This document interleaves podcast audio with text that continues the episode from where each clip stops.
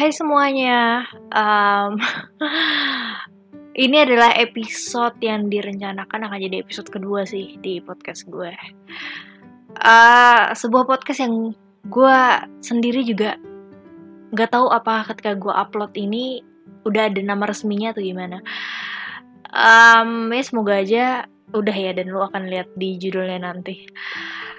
Uh, kali ini di episode kedua ini gue akan ngomongin satu film yang baru aja gue nonton kemarin dan menurut gue menarik banget untuk dibahas dan uh, gue nggak mau gila sendiri di otak aja dan gue gue rasa gue perlu untuk ngeluarinnya di rekaman ini. Jadi so gue rasa akan gue bahas aja. Dan film ini sebenarnya udah sebenarnya udah udah empat tahun yang lalu ya. Ini film yang waktu itu lagi diomongin banget. Uh, dan gue perlu empat tahun untuk ngejar film ini untuk akhirnya nonton film ini karena gue tunda mulu. Uh, prinsip hidup gue adalah semakin happening satu film biasanya gue semakin males untuk uh, nontonnya gitu. Jadi gue pasti akan ngehold itu bertahun-tahun sampai akhirnya oh ya udah nih ini udah sepi nih nggak ada yang ngomongin lagi baru gue ngomongin uh, oke okay. Um, kalau misalnya udah lu udah nonton filmnya atau misalnya lu ya lu ngikutin hype-nya dulu gitu lu pasti tahu film ini itu film dari Thailand dan um, singkatnya ini adalah film yang uh, bersetting di sekolah tapi mereka mereka uh, make pola-pola kayak semacam Ocean 12, Ocean 13 gitu. Jadi ada uh, ada unsur-unsur haze-nya gitu, gitu. Kayak gitulah gitu. Jadi uh, dengan perpaduan dua kombinasi itu gitu. Jadi set sekolah tapi ada unsur-unsur haze-nya gitu. Ada sesuatu yang menarik di film ini yang mungkin uh, gak pernah. Mungkin jarang kali ya jarang dicoba gitu kan uh, sama film-film lain. Gue nggak inget apakah ada film lain yang pernah mengangkat ini. Uh, gue inget dulu pernah ada film judulnya Perfect Score yang main kalau nggak salah Scarlett Johansson. Tapi gue juga lupa apakah film itu mengangkat tema yang serupa gitu. Uh, penyamaran terus uh, menegangkan uh, ala-ala film pencurian. Gue nggak tahu apakah uh, perfect score itu seperti itu. Tapi seingat gue dia sama kayak kayak kayak bad genius ini. Um, mungkin gue akan ceritain ringkasan ceritanya dulu kali ya. Uh, ya jadi ceritanya film ini tuh ceritain soal satu murid. Seingat gue namanya Rin apa? Rin apa Lin gitu kan. Jadi uh, ada satu murid yang dia bisa dibilang siswi yang pinter banget sampai-sampai saking pinternya dia berhasil masuk satu sekolah private yang bisa dibilang cukup bonafit lah gitu. Dia bisa masuk uh, tanpa bayar uang sekolah sekolahnya karena dia dapat beasiswa dan dia pinter banget gitu. Jadi Capsek yakin banget kalau ya udahlah gue ambil aja nih murid gitu kan. Uh, tapi ketika dia akhirnya masuk sekolah itu gitu dia menghadapi sebuah dunia yang ya ternyata kepintaran lo bukan satu-satunya hal yang unggul gitu. Bahwa ternyata uang dan popularitas juga hal yang penting gitu. Dan itu terlihat dari temen-temennya terutama dua temennya si Lin ini gitu. Uh, gue lupa lagi namanya kalau nggak salah satu namanya Pet uh, satu namanya Pet satu namanya siapa tuh cewek ya lupa lagi gue. Uh, Grace kalau nggak salah. Grace ya. Si Grace sama si Pet ini adalah dia pacaran. Dan si Petnya ini diceritain dia karakternya adalah cowok yang ya anak orang kaya banget anak orang kaya anak papa banget lah ya yang uh, uang dari bokap gitu. Terus lo berenang di hotel mewah dan lo kemudian dibeliin mobil baru gitu. Dan kegambar banget di filmnya gitu si Pet ini kayak gimana. Lo bisa tau lah gitu uh, anak orang kayanya gitu. Sementara si Grace ceritain di sini sebagai cewek yang dia nggak sepinter silin tapi dia di sini karakternya dia orangnya caring uh, dia juga interestnya sama drama uh, dan ini ini yang gue suka ya dari film ini karena dia ngeset uh, karakter details, background itu dia bagus gitu. Maksudnya uh, dia dia ngikutin struktur skrip banget sih. Maksudnya kayak semuanya rapi banget dibikinnya dan dan lu tahu itu udah di setup banget cuma rapi banget gitu. Dan itu itu bagus sih menurut gua kayak ya detail-detail soal karakter-karakter ini. Terus ada lagi satu karakter dia bisa dibilang tuh kayak uh, kompetitor resilient gitu. Namanya kalau salah Bank ya. Si Bank ini dia uh, dibikin juga tuh di set juga tuh karakternya. Dia adalah orang yang um, dia ini pinter banget, rajin banget, jujur banget gitu. Uh, ditawarin nyontek, udah dikasih duit nggak mau gitu. Pokoknya sangat menjunjung kejujuran gitu dan backgroundnya diceritain dia dari keluarga yang uh, sepertinya menengah ke bawah ya. Pokoknya pas-pasan gitu di mana nyokapnya punya usaha laundry kecil dan dia cuma uh, tinggal berdua gitu setelah kematian bokapnya gitu. Dan uh, semuanya tuh diceritain dengan sangat ringkas dan tanpa perlu di uh, utarakan dengan dialog. Itu yang gue suka juga gitu. Uh, kamera menyorot ke gambar bokapnya yang udah meninggal dia naruh uh, kertas piagam gitu. Itu itu sangat sangat rapi sangat sangat uh, gak perlu memakan adegannya banyak. Tapi kita udah tahu tuh uh, background karakternya kayak gimana. Ya itu itu salah satu yang gue suka juga dari filmnya. Tapi ya uh, ya ringkasan ceritanya sih ya soal gimana grup ini kemudian mereka menjadi satu hal yang bisa dibilang gede banget gitu. Dari yang awalnya cuma bantuin temen bantuin temen untuk kasih contekan kemudian semakin gede dan akhirnya silin ini kemudian kayak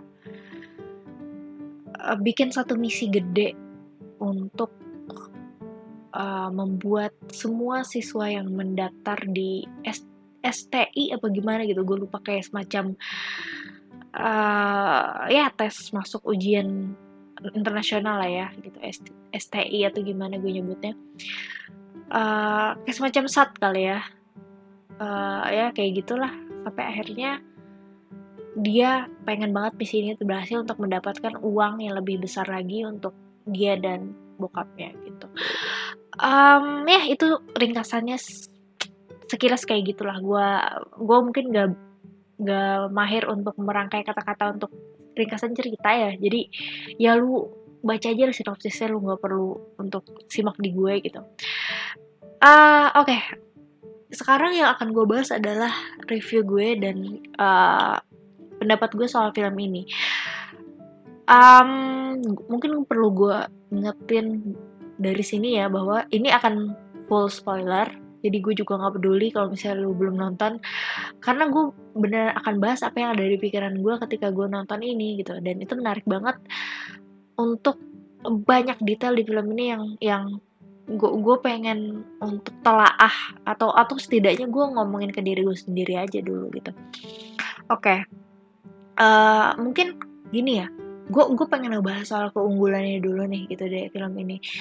Eh, hal-hal uh, yang gue suka dulu lah gitu uh, pertama dari segi karakternya. Tadi gue udah bahas sebenarnya kayak uh, di sini pembuatnya gitu si saudaranya sekaligus penulisnya itu dia bagus karena dia ngesetnya sangat rapi dan seperti gue bilang clear eh, nggak uh, perlu terlalu memakan adegan banyak atau dialog banyak untuk ngejelasin karakter ini adalah ini dan ini gitu.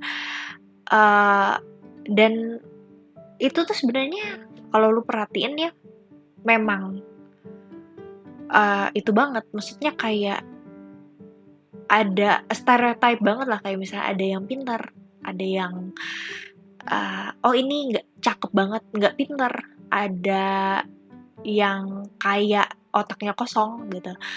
Ya cuma so, peduli soal popularity dan temenan gitu dan hura-hura gitu. Ada juga yang pintar banget terus uh, lebih ke nerd gitu. Jadi ini sebenarnya stereotype banget kan gitu. Tapi dia ngesetnya rapi dan uh, yang gue suka itu adalah bisa bikin karakter yang kalau misalnya di film lain tuh cuma jadi stereotype doang itu di sini tuh digali lagi lebih dalam sehingga ya lu ngelihatnya tuh kayak jadi satu hal yang yang dekat dari keseharian lo gitu.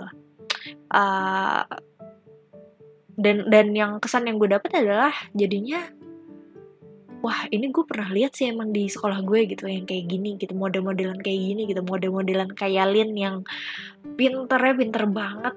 Lu udah lu jadi jagoan lah gitu di kelas yang kalau ujian tuh lu dewanya gitu kan. Ada juga yang yang model-model kayak Pet gitu yang kayak model-model kayak si Bang gitu. Jadi ini beneran dekat gitu. Gue suka banget gimana dia eksplor karakternya dengan sangat rinci. Uh, ditaruh reason behind reason gitu kan. Itu itu bagus banget sih.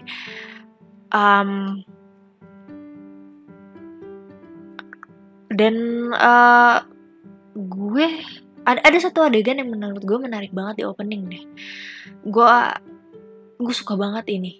Dan itu tuh uh, pembukaan itu tuh menurut gue udah memperlihatkan bahwa filmnya akan jadi something yang menarik banget. Itu adalah ketika di opening silinnya ceritanya itu kayak di meja interogasi gitu kan. Terus di situ kayak ditaruh kayak multiple mirrors gitu. Jadi kayak bayangan mirror. Jadi kayak banyak gitu uh, banyak menangkap bayangannya Silin gitu dan itu secara artistik bagus tapi ketika gue nontonnya pertama kali itu gue mikirnya oh ini tuh adegan buat nunjukin uh, rasa ragu dan kebingungannya si Lin gitu. Waktu itu gue mikirnya kayak gitu, tapi setelah gue lihat lagi terus gue mikirin lagi, itu ada dua adegan yang sama tuh kayak gitu, ada multiple image-nya lagi tuh uh, di tengah cerita kalau nggak salah ketika si Linnya mau ngebantuin temennya lagi si Grace gitu untuk ikutan uh, ujian international edition gitu gitu. Um, terus setelah gue mikir lagi tuh hubungan tuh dua uh, dua adegan ya gitu kayaknya makin ke sini itu tuh adegan yang nunjukin self consciousnessnya Silin gitu bahwa di adegan pertama dan adegan itu gitu dia sangat memikirkan orang lain dan uh, saking memikirkan orang lainnya itu membuat dia berpikir lagi tentang makna dirinya gitu. Jadi kalau misalnya lu tarik tuh dua, dua adegan itu dan lu bawa lagi lu sambungin ke endingnya kenapa dia bisa berpikir dan bertindak seperti itu itu nyambung gitu. Gue suka banget tuh adegan. Tapi gue gue nggak tahu ya apakah ini gue cuma sotoy doang nih gitu atau gimana. Mungkin orang punya pendapat yang berbeda soal uh, multiple mirrors yang ditaruh gitu ya gitu. Mungkin uh, ya mungkin itu cuma emang ngegambarin confuse-nya Silin gitu atau kebingungannya dia gitu. Tapi gue sih nangkapnya ya memang uh, itu adalah momen-momen dia yang kayak ya, ya dia pengen ngebantuin orang lagi nih gitu. Dan dia uh, ya itu itu untuk merefleksikan aja ke hadapan kita bahwa dia selalu uh, penuh dengan keraguan-raguan soal diri dia dia selalu penuh dengan pertanyaan soal diri dia yang kaitannya dengan ngebantuin orang lain gitu kan. Gue gue mikirnya kayak gitu sih gitu. Cuma gue nggak tahu apakah ini gue sotoy doang ya. Um, ya menurut gue sih dari segi cerita pokoknya menurut gue Bad Genius ini cukup bagus banget gitu. Untuk uh, script writingnya jago banget sih menurut gue gitu. Uh, kalau kalau gue gue pernah bahas kemarin di IG story sebenarnya. Kalau kalau secara plot struktur ini tuh sebenarnya ikutin buku banget gitu. Kayak ya lu tau lah uh, ini awalnya dari sini karakternya masuk ke tempat yang baru terus um, karakternya awalnya mencoba dari ini terus akhirnya jadi tahu apa yang dia jago terus akhirnya semakin membesar semakin membesar sampai akhirnya uh, the big stage-nya adalah di Sydney itu gitu. Um, itu kan sebenarnya udah udah tahu nih kita cetakannya gitu kan. Itu ngikutin buku banget gitu. Kalau misalnya di film standar lu bisa tahu. Kalau misalnya lu sering nonton film box office lu udah tahu lah gitu kan. Dengan semua uh, ya perkembangan plot struktur itu gitu. Tapi kalau misalnya di film ini yang gue suka banget adalah uh, pembuatnya bisa menyamarkan atau bahkan bikin apa ya kayak kayak semacam distraksi untuk nonton. Jadi kayak kalau lu nonton itu lu nggak berasa itu ngikutin resep buku gitu. Jadi uh, the whole show itu tuh kelihatan membosankan itu nggak sama sekali gitu. Jadi kayak uh, semua kelihatan meyakinkan banget gitu dengan improvisasi beats-beats yang ditaruh gitu twist-twist kecil gitu. Dan gue yakin banget tuh nggak gak, gak gampang sih pasti untuk uh, dalam proses pembuatannya ya gitu kan. Karena ah itu tuh kayak gimana ya? Maksudnya gini deh. Um, untuk lo naruh beats-beats atau twist-twist kecil gitu di di sepanjang struktur yang udah ada gitu itu kan lo pasti wah itu dia ngabisin berapa uh, berapa kali nulis ya di board gitu untuk bikin bridge uh, strukturnya itu tetap rapi gitu kan. Gue gue mikir itu pasti lama tuh karena uh, ya ya maksudnya untuk untuk lo bikin itu kan gak segampang itu gitu. Orang tuh sering mikir kayak ah bikin ya ya udah gitu kayak bikin lo jembatan aja gitu nulis skenario tapi kan ada yang namanya logika karakter logika plot gitu kan. Ah, yang make sense atau nggak make sense gitu. Dan kalau misalnya lo meleset dikit aja itu kelihatan banget akan di lo akan kelihatan lah gitu. Uh, dipaksainnya kelihatan. Terus um, ya kelihatan aja kalau itu tuh juga sesuatu yang terlalu set up gitu kan lo tau nggak gitu? Jadi kayak ya semuanya tuh susah sih menurut gue ngerakainya. Dan menurut gue bagus banget untuk si pembuatnya bikin itu tuh kayak uh, ya se effortless itu gitu. Setupnya tetap kelihatan. Tetap kelihatan gitu. Cuma lu jadinya nggak peduli banget nggak peduli lagi. Maksudnya kayak apa ya lu tahu lo dibohongin tapi ya udah lu uh, percaya aja sama kebohongannya lu mengizinkan diri lo percaya untuk kebohongannya gitu. Dan uh, menurut gue itu tugas yang sangat berat ya gitu. Sekaligus bravo banget untuk kemudian pembuatnya bisa bikin itu mulus gitu.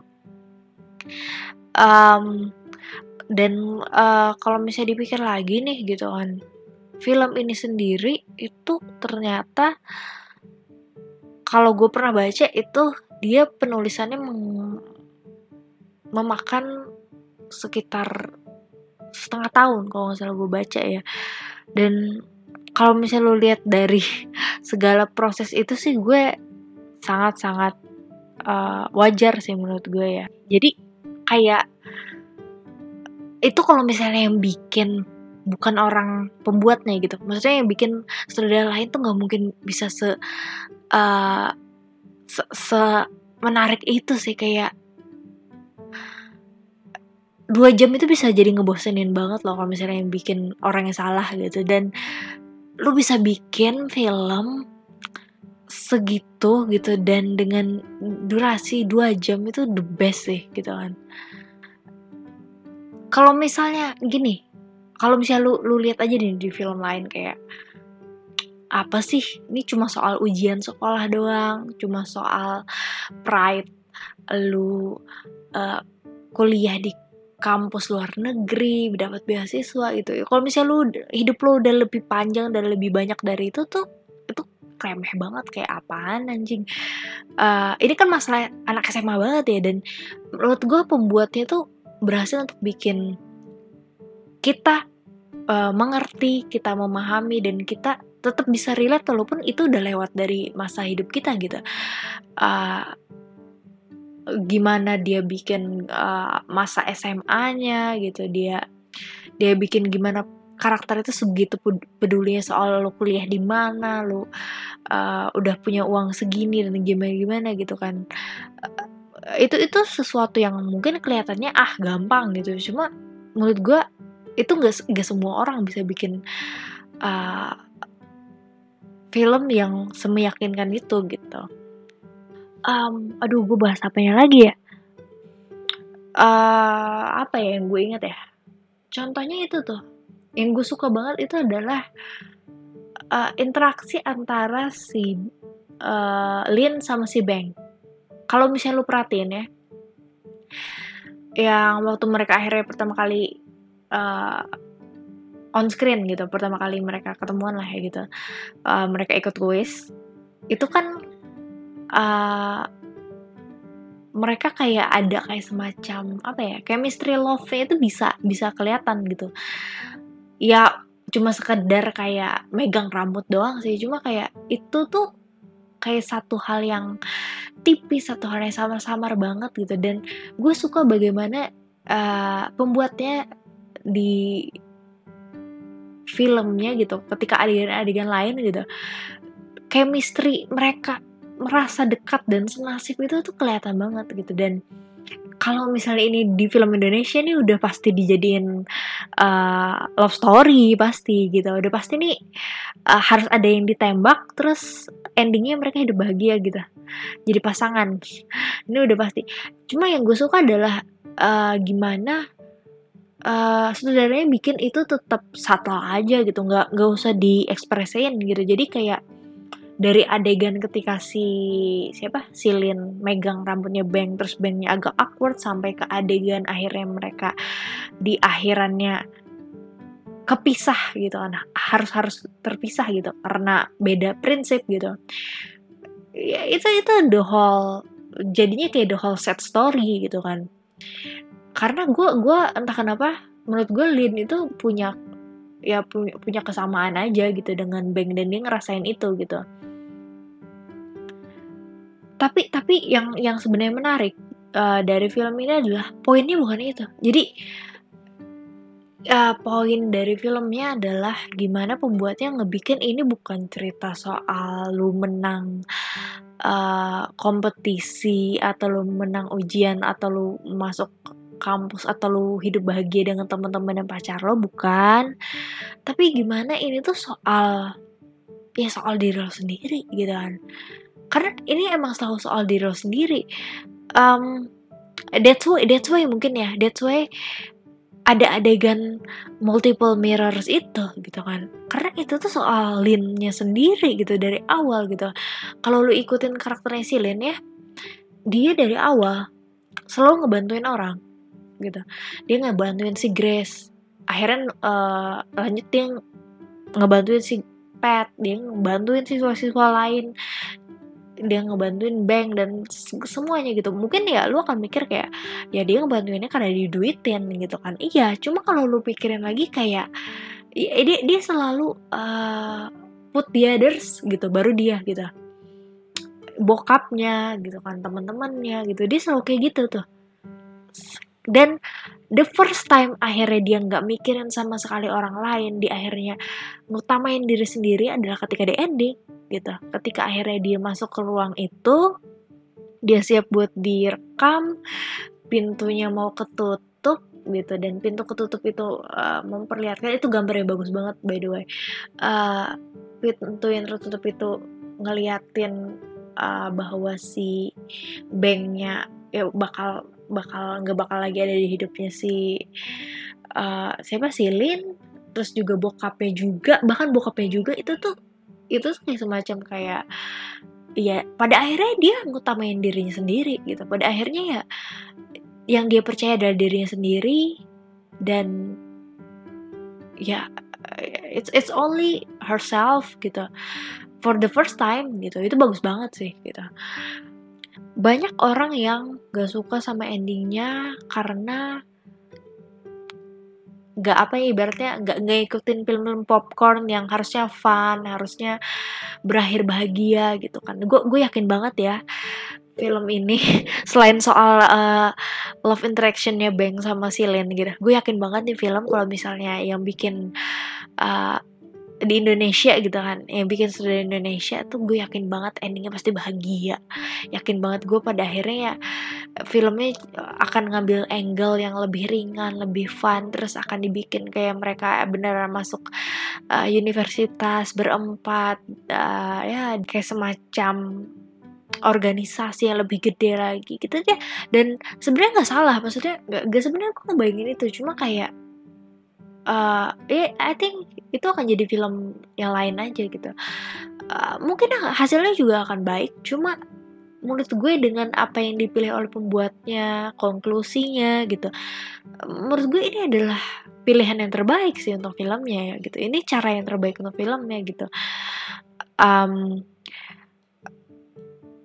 gue baca satu review di movie yang bilang bahwa perpindahan karakter perpindahan motivasi karakternya si Bang gitu.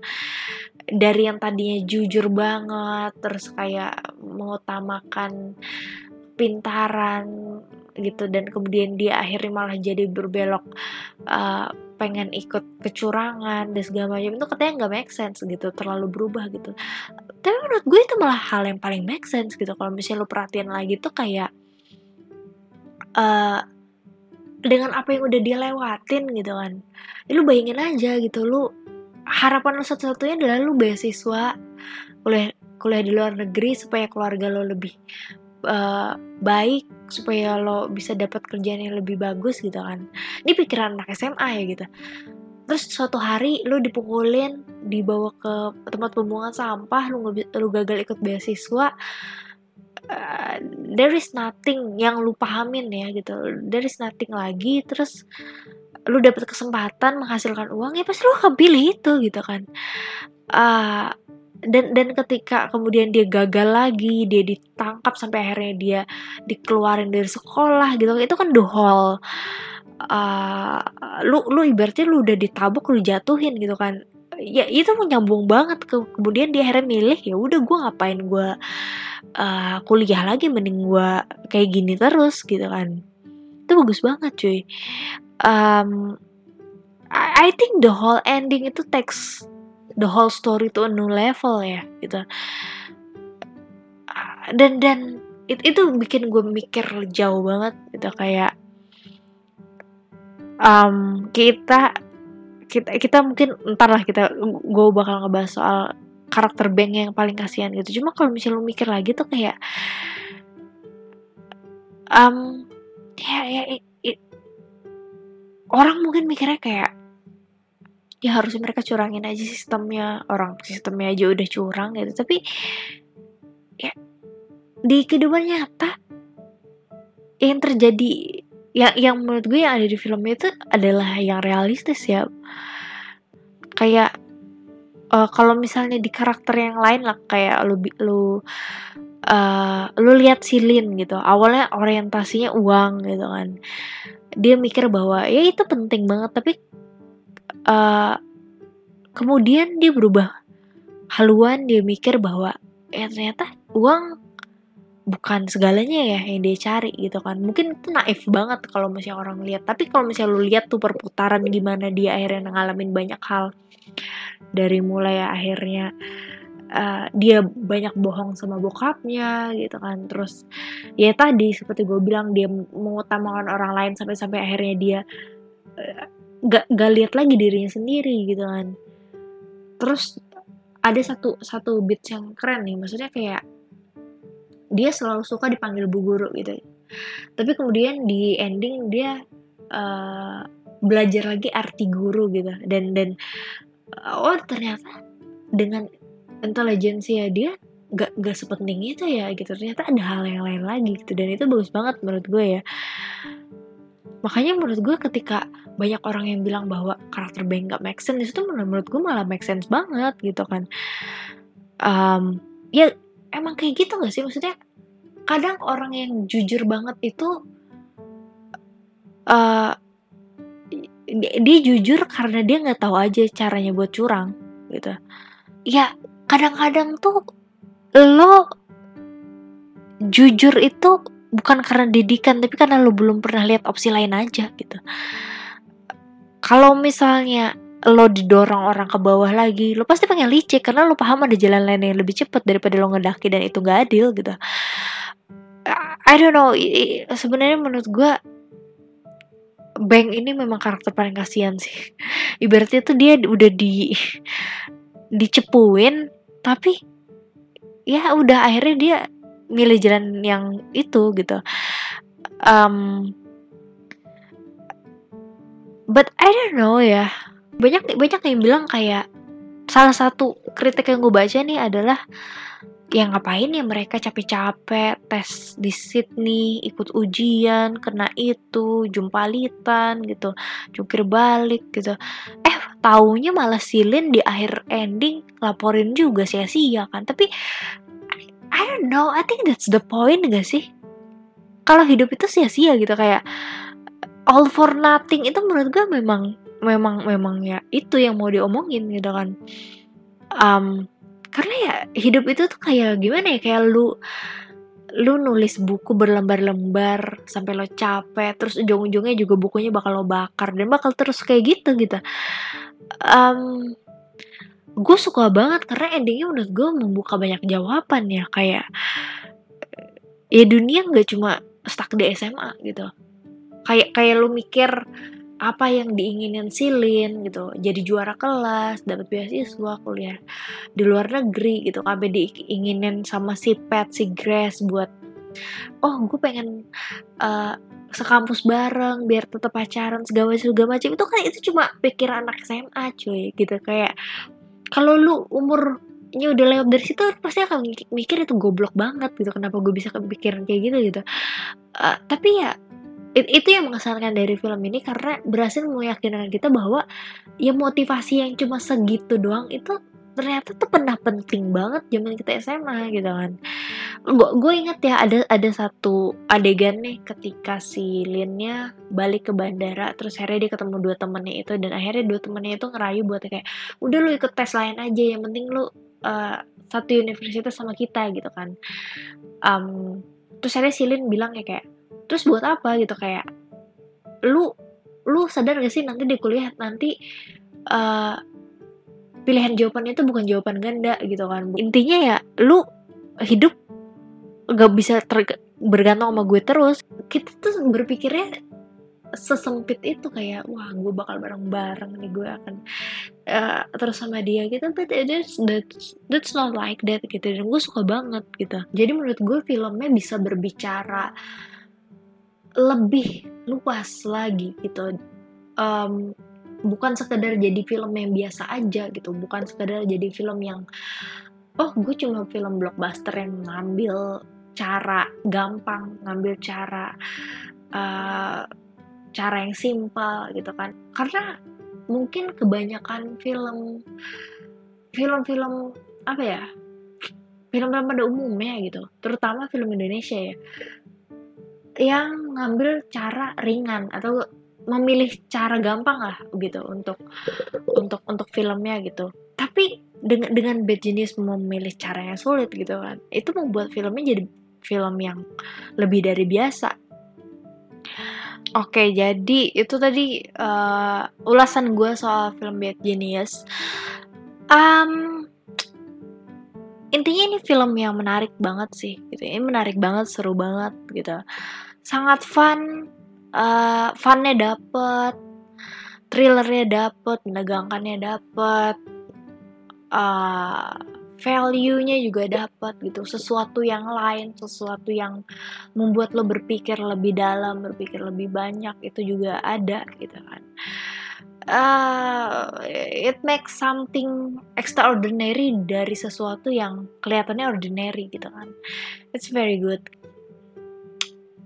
Gue nggak tahu gue akan ngebahas apa ya di podcast selanjutnya gitu kan di di episode selanjutnya.